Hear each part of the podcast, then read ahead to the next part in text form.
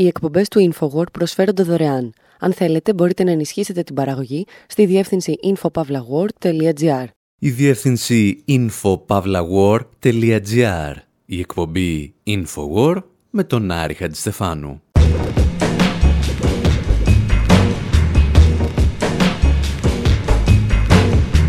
Όπου σήμερα αναρωτιόμαστε εάν μπορούμε να χαρακτηρίζουμε οργουελικό ό,τι δεν μας αρέσει. Σκεφτόμαστε εάν τελικά ο Όργουελ εμπνεύστηκε τα απολυταρχικά καθεστώτα των έργων του από τη Σοβιετική Ένωση ή από μια Βρετανική απικία, όπου τύχαινε να εκτελεί χρέη αστυνομικού. Υποστηρίζουμε ότι σήμερα ο μεγάλος αδερφός είναι CEO κάποιας πολυεθνικής και δεν ελέγχει τους υπηκόους του μέσω του κράτους, αλλά μέσω της διάλυσης του κράτους. Καλούμε στην παρέα μας και μία άλλη μεγάλη μέτρα της διστοπικής λογοτεχνίας και ακούμε τις απόψεις της για τα lockdown, τις μάσκες και τα πιστοποιητικά εμβολιασμού. Συζητάμε δηλαδή το ενδεχόμενο να πρέπει να ανανεώσουμε λίγο τη βιβλιοθήκη μας. Οι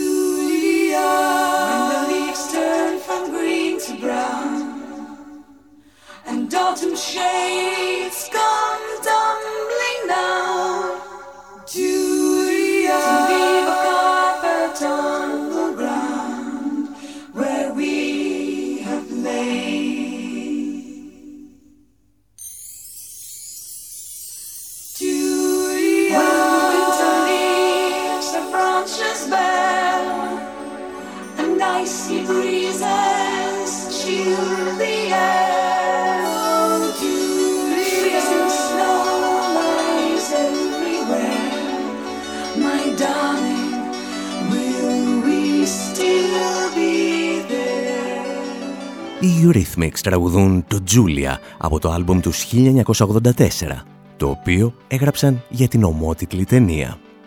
Και τραγουδούν και τραγουδούν, γιατί το συγκεκριμένο κομμάτι έχει άλλα 6 λεπτά, που μάλλον δεν θέλετε να ακούσετε. Η Τζούλια για την οποία τραγουδούν οι Eurythmics είναι αν θυμάστε η ερωμένη του πρωταγωνιστή του 1984, Winston Smith, η οποία ήρθε και πάλι στο προσκήνιο στις αρχές Δεκεμβρίου του 2021.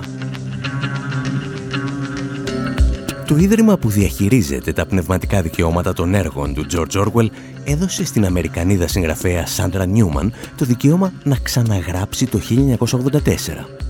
Και θα το κάνει με τη ματιά της Τζούλια, δηλαδή με μια φεμινιστική ματιά. Δεν έχουμε φυσικά ιδέα εάν το βιβλίο θα είναι ένα ακόμη αριστούργημα ή δεν θα αξίζει ούτε το χαρτί στο οποίο θα τυπωθεί. Το βέβαιο είναι ότι από το να ακούμε για άλλη μια φορά τις ιστορίες του Winston Smith, δηλαδή ενός λευκού δυτικού μεσήλικα, περιμένουμε με αγωνία και τη ματιά της Τζούλια. Το πραγματικό ερώτημα όμως που προέκυψε από αυτή την ιστορία είναι μήπως συνολικά το έργο του Orwell χρειάζεται ένα μικρό ξεσκόνισμα;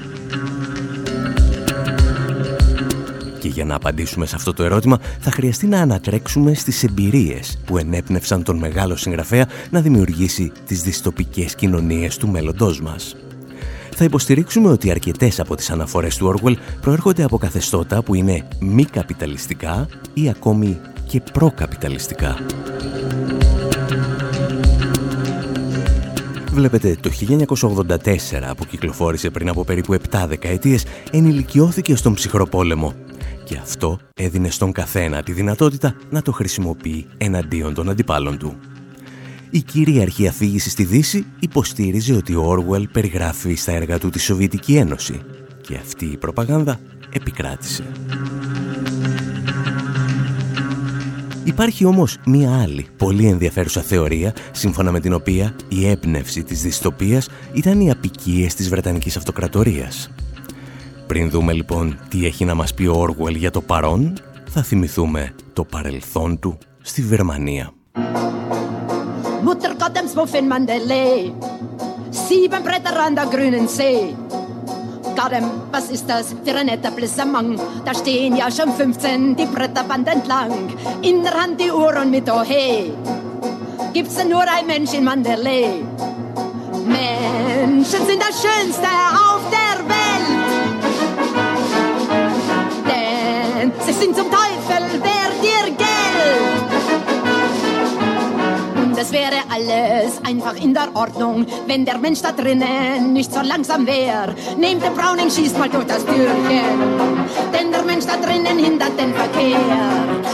Johnny, hey, rascher Johnny, hey, an den Song von Mandalay. Liebe ist doch an Zeit nicht gebunden.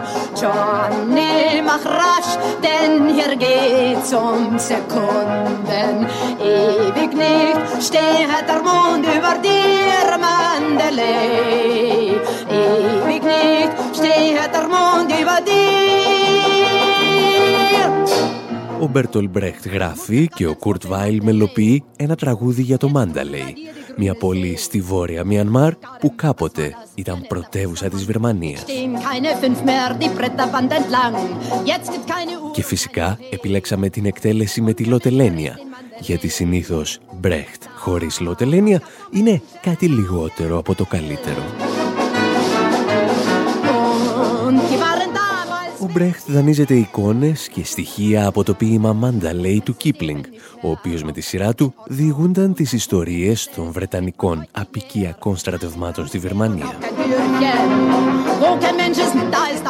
Η Βρετανική απικιοκρατία στην περιοχή είναι μια παλιά ιστορία που ξεκινά από τα μέσα του 17ου αιώνα, όταν το Λονδίνο χρηματοδοτούσε αντιμαχόμενες παρατάξεις της περιοχής. Το παιχνίδι όμως χοντρένει από το 1826, οπότε εισβάλλουν και αρχίζουν να καταλαμβάνουν εδάφη. Και ύστερα οι Βρετανοί δεν λένε να φύγουν. Ο Κίπλινγκ προτιμά να παρακάμψει αυτές τις ιστορίες απεικιοκρατίας και το μόνο που συγκρατεί στο ποίημά του είναι κάτι Βρετανοί στρατιώτες οι οποίοι αφού επιστρέψουν στο Λονδίνο νοσταλγούν, λέει, τα όμορφα κορίτσια του Μάνταλε και θέλουν να επιστρέψουν. Και ποιος απεικιοκράτης άλλωστε δεν θέλει να επιστρέψει στα συνήθως βιασμένα όμορφα κορίτσια των αποικιών του. Το ποίημα του Κίπλιν πάντως θα γίνει διάσημο, παρά το γεγονός ότι ο ίδιος δεν πάτησε ποτέ το πόδι του στο Μάνταλεϊ. Έναν αιώνα αργότερα μάλιστα θα μελοποιηθεί και θα καταλήξει ακόμη και στα χείλη του Φρανκ Σινάτρα.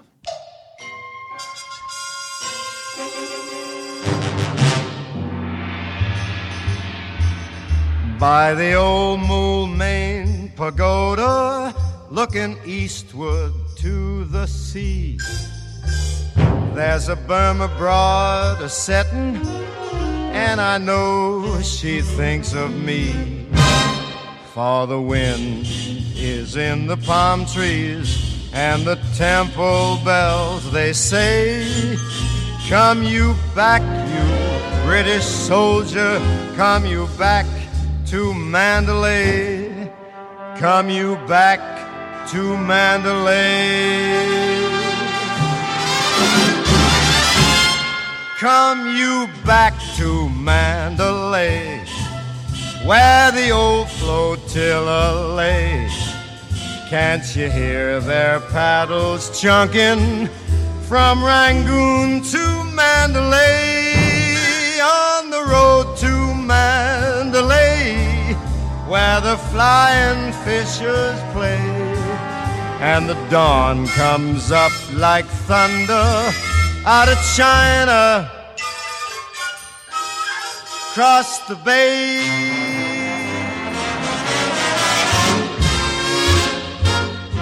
Ο Φρανκ Σινάτρα λοιπόν που από όσο γνωρίζουμε δεν πάτησε ποτέ το πόδι του στο Μανταλέι τραγουδά το ομώνυμο ποίημα του Κίπλινγκ που επίσης δεν πέρασε ποτέ από την πόλη και ο οποίος ενέπνευσε και τον Μπέρτολτ Μπρεχτ που έχουμε σοβαρές υποψίες ότι δεν πέρασε ποτέ από τη Βιρμανία.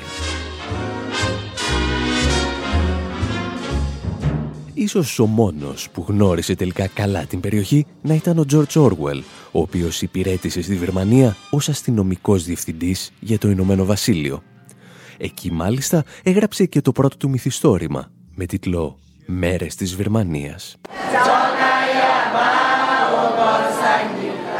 Από την πρώτη μέρα που η αποστολή του Infowar έφτασε στη Γιάνγκον, τη σημερινή πρωτεύουσα της Μιανμάρ, δεκάδες πλανόδοι μικροπολιτές επιχειρούσαν να μας πουλήσουν το βιβλίο του Orwell. Το οποίο βιβλίο δεν το λες και από τα καλύτερα της σειράς, αλλά και ποιοι είμαστε εμείς να κρίνουμε λογοτεχνικά τον Orwell. Το βέβαιο είναι ότι αυτό το βιβλίο μας συνόδευσε όσες μέρες βρισκόμασταν εκεί και μας έφερε πίσω στη σκουριά της απεικιοκρατίας που σκεπάζει ακόμη και σήμερα τη Βερμανία. Ιστορίες που θα προσπαθήσουμε να σας διηγηθούμε με έμπνευση από τον Orwell. Την ίδια έμπνευση που έδωσε και στους Radiohead να γράψουν για αυτόν το Karma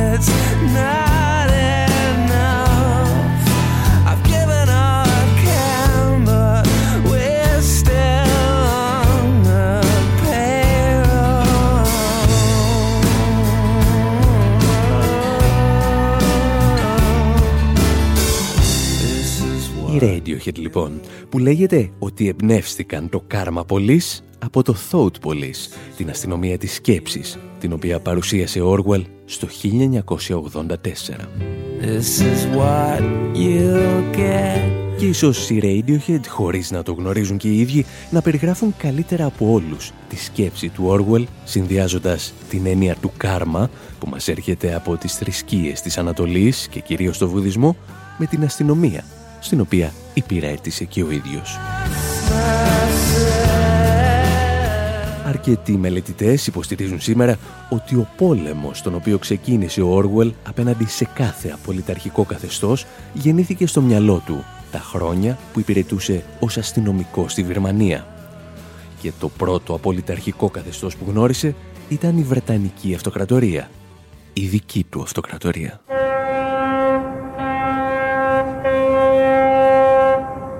There was more myth creation over Orwell's initial choice of career.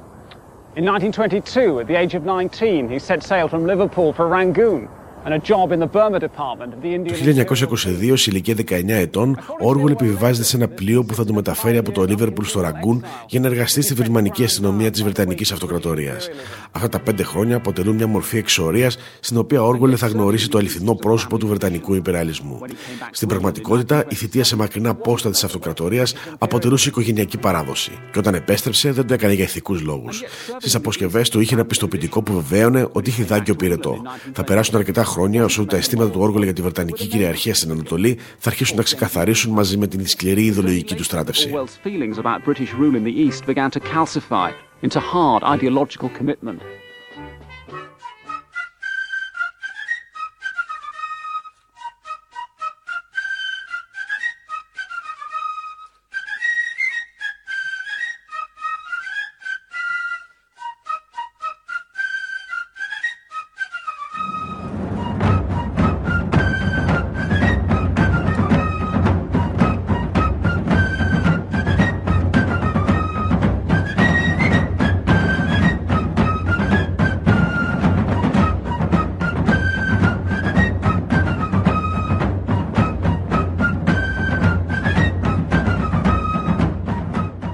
Όργουελ φτάνει στη Βυρμανία σαν πιστός υπηρέτης του Βρετανικού στέματος και μόνο αφού επιστρέψει στη χώρα του θα συνειδητοποιήσει το έγκλημα το οποίο ο ίδιος και η χώρα του συντελούν σε μια αυτοκρατορία στην οποία ο ήλιος δεν έδιε ποτέ. I was in the Indian police five years and by the end of that time I hated the imperialism I was serving. Υπηρέτησα στην ελληνική αστυνομία για πέντε χρόνια. Στο τέλος μισούσα τον υπεραλισμό, τον οποίο υπηρετούσα με μια πικρία, την οποία δεν μπορώ να ξεκαθαρίσω στο μυαλό μου. Στον ελεύθερο αέρα της Βρετανίας αυτό το αίσθημα δεν μπορεί να γίνει κατανοητό. Προκειμένου να μπορείς να μισείς τον υπεραλισμό πρέπει να αποτελείς κομμάτι του. In order to hate imperialism, you've got to be part of it.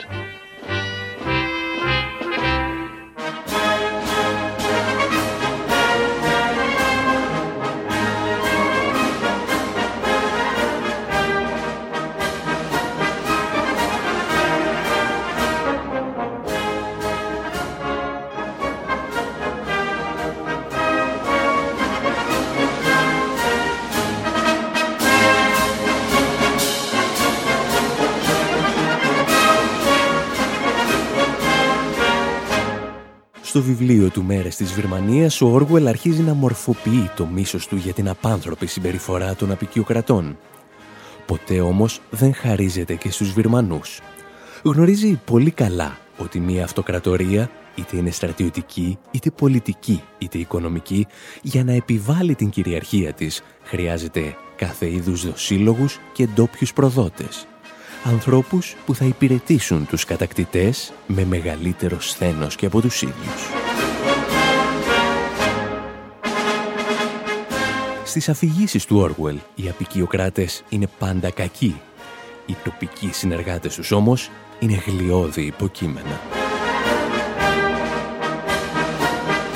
Είναι σχεδόν τόσο κακοί φτωχοδιάβολοι όσο και ο Τζόνι του Μπρέχτ που δούλευε και αυτός στα τρένα της Βυρμανίας.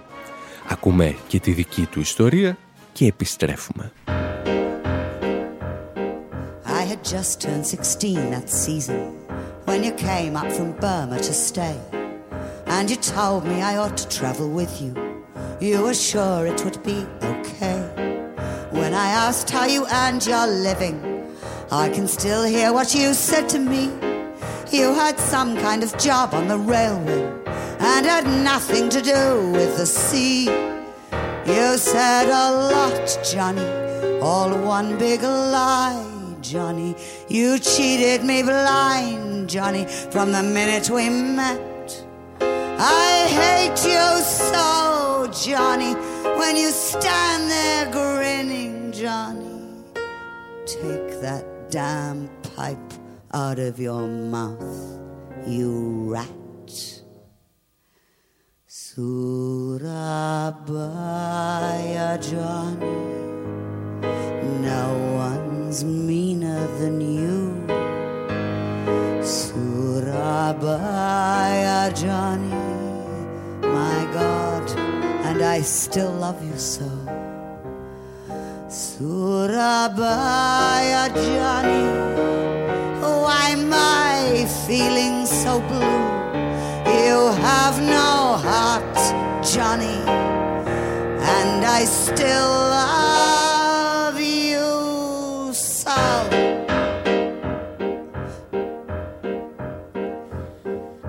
start, every day was Sunday, till we went on our way one fine night.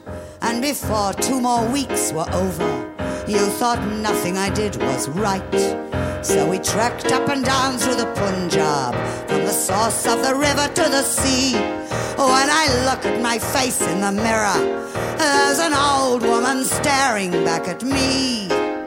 You didn't want love, Johnny. Στην εκπομπή Infowar με τον Άρη Χατζηστεφάνου συζητάμε για τα απολυταρχικά καθεστώτα που ενέπνευσαν τον George Orwell να μας περιγράψει δυστοπικές κοινωνίες. Και τα βρίσκουμε όχι μόνο στη Σοβιετική Ένωση, όπως μας διδάσκει εδώ και δεκαετίες η δυτική προπαγάνδα, αλλά στην καρδιά της Βρετανικής Αυτοκρατορίας. Και στις δύο περιπτώσεις βέβαια, όπως είπαμε, οι εμπειρίες του μπορούν να χαρακτηριστούν ως προκαπιταλιστικές ή μη καπιταλιστικές. Ακόμη όμως και αν ήταν καπιταλιστικές, αν λόγου χάρη εμπνεύστηκε το 1984 από την ναζιστική Γερμανία, μπορεί ένα τέτοιο έργο να σταθεί στο ύψος του 70 χρόνια μετά τη δημιουργία του. Όπως θα δούμε στο δεύτερο μέρος της εκπομπής, το 1984 έχει γίνει τα τελευταία χρόνια καραμέλα στα στόματα ακροδεξιών οπαδών του Τραμπ, αντιεμβολιαστών και κάθε είδους συνωμοσιολόγων, αλλά και μιας μικρής μερίδας αριστερών boomer και σίγουρα δεν του αξίζει του έργου. Μείνετε λοιπόν εδώ γιατί ύστερα από ένα μικρό διάλειμμα επιστρέφουμε με περισσότερες οργουελικές ιστορίες. Και αν σας αρέσουν και οι γραπτές καταγραφές όσων σκεπτόμαστε και λέμε, τις βρίσκετε πάντα στη διεύθυνση info.pavlawar.gr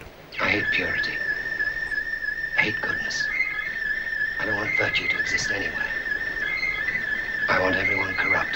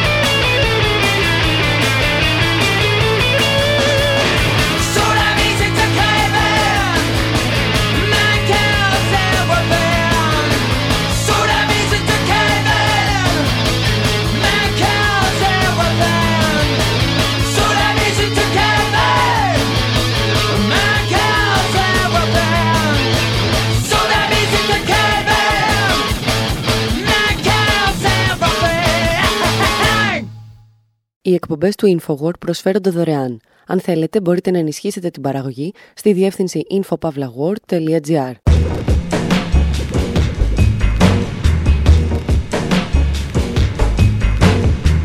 Εκπομπή InfoWord, μέρος δεύτερο. όπου αφού είδαμε τον George Orwell να εμπνέεται τις δυστοπίες του από τη Βρετανική Αυτοκρατορία και όχι μόνο από τη Σοβιετική Ένωση όπως θέλουν κάποιοι να πιστεύουμε, αναρωτιόμαστε εάν αυτές οι μη καπιταλιστικές δυστοπίες ανταποκρίνονται στην εποχή μας. Παρακολουθούμε κάτι οπαδούς του Τραμπ να διαβάζουν το 1984, λίγο πριν εισβάλλουν στο Καπιτόλιο, αλλά και κάτι αντιεμβολιαστές να δηλώνουν με βεβαιότητα ότι είναι τα απόλυτα θύματα του μεγάλου αδερφού. Ζητάμε μία μικρή βοήθεια από την Μάργαρετ Atwood του Handmade's Tale και αυτή μας καθησυχάζει ότι δεν ζούμε σε μία από τις δυστοπίες των βιβλίων της. Όχι ακόμη.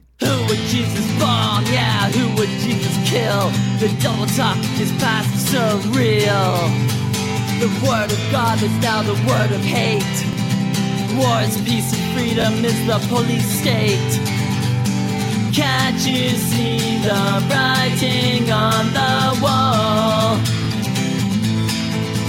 Democracy lays trampled on the floor better believe that. Hell yeah I'm confused. For sure what I thought was the new millennium is 1984 Mr. Orwell from the grave adding fresh into the page. As the young president declares an endless war.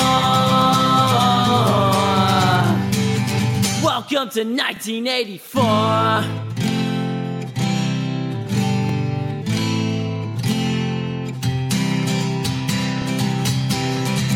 feels like Nazi Germany and Hitler on TV as the young president spews homophobic speech. Didn't the Allies fight a war to end extremist fascist laws? So tell me now what are the fuck we fighting for? I just cannot take it anymore. Democracy lays trampled on the floor. Οι Anti-Flag προσπαθούν να συμπυκνώσουν σε ένα τραγούδι σχεδόν όσα είπε ο Orwell στο 1984 και τη φάρμα των ζώων. Η δημοκρατία, μας εξηγούν, είναι ποδοπατημένη στο έδαφος. Περιμένουμε τη νέα χιλιετία και αντί αυτής μας ήρθε το 1984. Αισθάνεσαι, λέει, σαν να είσαι στη φασιστική Γερμανία και βλέπεις τον Χίτλερ στην τηλεόραση σε ένα ξέσπασμα ομοφοβικού μίσους.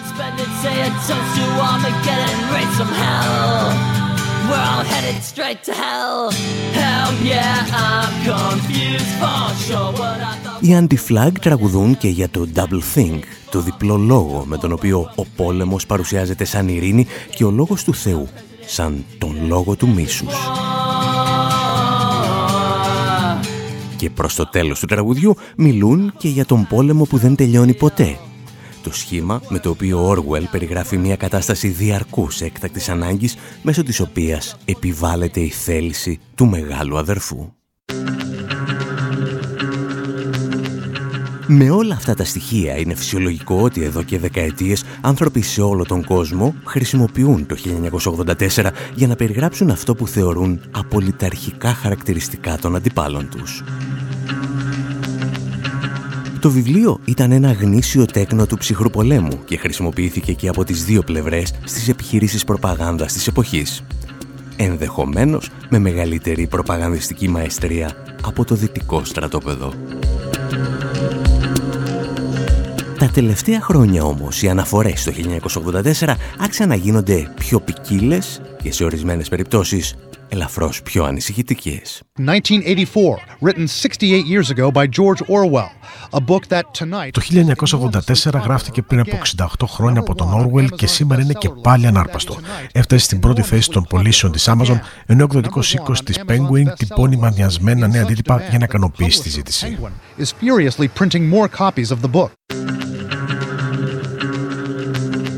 Το ρεπορτάζ που ακούσατε μεταδόθηκε από το CNN τον Ιανουάριο του 2017, όταν ο Ντόναλτ Τραμπ ανέλαβε την Προεδρία των Ηνωμένων Πολιτειών. Και τότε οι πωλήσεις του βιβλίου αυξήθηκαν κατά 10.000% σε λίγες ημέρες. Η φιλελεύθερη Αμερική συνειδητοποιούσε ότι ένας πολιτικός ηγεμόνας που αρνείται την πραγματικότητα δεν ζει αναγκαστικά σε κάποιο εχθρικό καθεστώς, αλλά στην καρδιά της Αμερικανικής πρωτεύουσας. Μέχρι εδώ όλα καλά και αναμενόμενα. Οι πωλήσει του 1984 όμως εκτινάχθηκαν και όταν απομακρύνθηκε ο Τραμπ από την εξουσία. Και αυτή τη φορά το βιβλίο το διάβαζαν οι οπαδοί του πρώην Προέδρου που πίστευαν ότι ζουν σε ένα διστοπικό καθεστώς στο οποίο οι πολιτικές ελίτ απομάκρυναν τον εκλεκτό τους από τον Λευκό Οίκο. Και αν οι τραμπιστές επικαλούνταν τον Όργουελ ήταν προφανώς θέμα χρόνου μέχρι να αρχίσουν να το κάνουν και οι αντιεμβολιαστές. 2020 is the new 1984. Δεκάδες βίντεο στο YouTube υποστηρίζουν ότι το 2020 και το 2021 αποτελούν τα νέα 1984 ενώ πολλοί ακροδεξιοί πολιτικοί χαρακτηρίζαν τα μέτρα του lockdown, τις μάσκες και τα πιστοποιητικά εμβολιασμού σαν οργουελικές αποφάσεις ενός μεγάλου αδερφού. Μέσα δηλαδή σε μία πενταετία, τρεις κατηγορίες ανθρώπων, φιλελεύθεροι Αμερικανοί, τραμπιστές Αμερικανοί και οι απανταχού αντιεμβολιαστές πίστευαν ότι ζουν σε μία δυστοπία, όπως αυτή που περιέγραφε ο Όργουελ. Και τότε κάτι δημοσιογράφοι του BBC σκέφτηκαν να ρωτήσουν εάν αυτό ισχύει και το έκαναν σε μία από τις διαδόχους του μεγάλου Άγγλου συγγραφέα. Θα τα συζητήσουμε ύστερα από αυτό.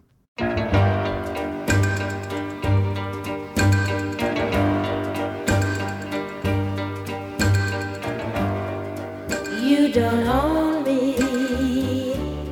I'm not just one of your many toys. You don't own me.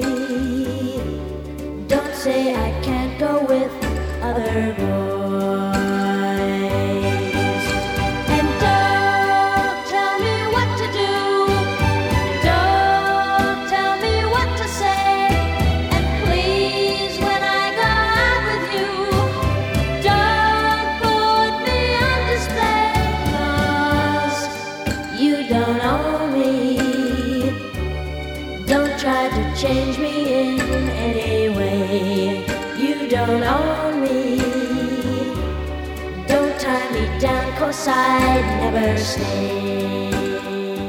Η Leslie Gore εξηγεί στον φίλο της ότι δεν του ανήκει. Ένα τραγούδι που αποτέλεσε τον άτυπο ύμνο του λεγόμενου φεμινισμού δεύτερου κύματος. Κάποιοι μάλιστα υποστηρίζουν ότι ήταν το τραγούδι που ενέπνευσε τη δημιουργία του συγκεκριμένου κινήματος. Αν και εμάς, μας τρομάζουν πάντα οι θεωρίες που λένε ότι ο λόγος επηρεάζει την πολιτική πράξη και όχι το αντίθετο. Σε κάθε περίπτωση το συγκεκριμένο τραγούδι είναι ένα από τα δεκάδες που ακούγονται στην τηλεοπτική σειρά Handmaid's Tale, η ιστορία της θεραπενίδας. Εάν δεν το έχετε δει, περιγράφει μια διστοπική κοινωνία στο όχι και τόσο μακρινό μέλλον, όπου οι γυναίκες έχουν μετατραπεί σε υπηρετικό προσωπικό και μηχανισμό αναπαραγωγής από ένα φονταμενταλιστικό καθεστώς χριστιανών. Η σειρά βασίζεται στο βιβλίο της Μάργαρετ Άτγουτ με τον ίδιο τίτλο, το οποίο για μια διαβολική σύμπτωση γράφτηκε το 1984. Η ίδια η Άτγουτ άλλωστε δεν ξεχνά ποτέ να εκφράσει το χρέος της στον πατέρα της διστοπικής λογοτεχνίας, τον George Orwell. So, The Handmaid's Tale was written in 1984, sorry to have been so corny. Um, η ιστορία της Θεραπενίδας γράφτηκε το 1984. Ξέρω, ακούγεται πολύ μελό. Αλλά φυσικά ο George Orwell ήταν από τους πρώτους που έγραψαν βιβλία διστοπικής λογοτεχνίας. Ήταν σημαντικό για μένα τότε επειδή η δεκαετία του 80 ήταν μια δεκαετία αντίδρασης και οπισθοδρόμησης. Αντιδρούσε στην ανάδεση πολλών διαφορετικών μορφών φεμινισμού τη δεκαετία του 70.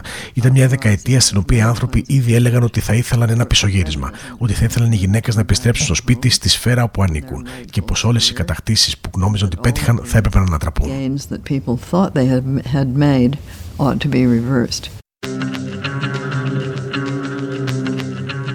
Η Άτουντ αποτελεί λοιπόν συνεχιστή του Orwell στα δυστοπικά μυθιστορήματα. Όταν λοιπόν αντιεμβολιαστές σε όλο τον κόσμο άρχισαν να ισχυρίζονται ότι ζουν σε μια δυστοπική κοινωνία, το BBC την κάλεσε και τη ρώτησε «Τι λένε αυτοί, ζούμε πραγματικά σε μια δυστοπική κοινωνία σαν το 1984 ή σαν το δικό σας βιβλίο» A dystopia technically is, a, is an arranged unpleasant society that you don't want to be living in. This one is, was not arranged. Η δυστοπία από τεχνικής απόψεως είναι μια σχεδιασμένη, δυσάρεστη κοινωνία στην οποία δεν θες να ζήσεις. Η δική μας κατάσταση δεν είναι αποτέλεσμα σχεδιασμού. Οι άνθρωποι μπορεί να κάνουν πράγματα που δεν είναι ευχάριστα, αλλά δεν πρόκειται για μια εκούσια πολιταρχία. Δεν είναι ένα σκόπιμο σχέδιο. Είναι μια έκτακτη κατάσταση κρίσης. Και αυτό είναι διαφορετικό. Το να βρίσκεσαι σε μια δυσάρεστη κατάσταση, όπως για παράδειγμα ο βομβαρδισμός του Λονδίνου από τους Ναζί, δεν σημαίνει ότι βρίσκεσαι απαραίτητα σε δυστοπία. Είναι ένα δυσάρεστο, τρομακτικό, παράξενο μέρος στο οποίο δεν θέλεις να βρίσκεσαι, αλλά δεν οργανώθηκε από μια κυβέρνηση για να σε ελέγχει but it wasn't arranged by a government that is in control of you. Η σκέψη της Atwood είναι σαφής. Εάν σε βομβαρδίζουν, λέει, θα λάβεις έκτακτα μέτρα για την προστασία του πληθυσμού, όπως θα κάνεις και όταν βρεθείς αντιμέτωπος με μια πανδημία. Το γεγονός ότι ορισμένα από αυτά τα μέτρα θα περιορίσουν ατομικές ελευθερίες των πολιτών δεν σημαίνει ότι έστησε ένα δυστοπικό καθεστώς. Γιατί για να φτιάξεις, λέει, μια δυστοπία χρειάζεται να έχεις σχέδιο. Όχι απλώς να αντιδράς σε ερεθίσματα και προκλήσεις μέσα σε μια περίοδο κρίσης.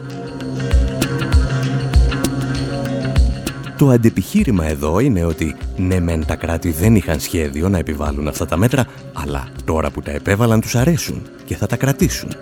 Θα ανοίξουν λοιπόν την πόρτα στο μεγάλο αδερφό. Το ερώτημα όμως είναι γιατί μια κυβέρνηση σε μια σύγχρονη χώρα να θέλει να κρατά τους πολίτες της κλεισμένους στο σπίτι; Ο καπιταλισμός θέλει τους ανθρώπους στο δρόμο, να ψωνίζουν και να ταξιδεύουν, να μετράνε πόσα βήματα έκαναν με τα έξυπνα ηλεκτρονικά τους ρολόγια και να ενημερώνονται από το GPS του κινητού τους για τα πλησιέστερα μαγαζιά, στα οποία μπορούν να ξοδέψουν τον μισθό τους. Το να πιστεύεις ότι σε θέλουν κλειδαμπαρωμένο, όπως τους ήρωες του 1984, μήπως σημαίνει ότι διαβάζεις ένα βιβλίο που κυκλοφόρησε πριν από 70 χρόνια με αναφορές σε μη καπιταλιστικά καθεστώτα; Μήπως είναι καιρός να ανανεώσεις τα δυστοπικά μυθιστορήματα που διαβάζεις; Θα τα συζητήσουμε όλα αυτά σε λίγο, με μεγαλύτερο βάθος, ύστερα από αυτό. One summer's evening, drunk to hell, I stood there nearly lifeless, and an old man in the corner sang, "Where the water lilies grow." And on the jukebox, Johnny sang about a thing called love, and it's how you kid, and what's your name?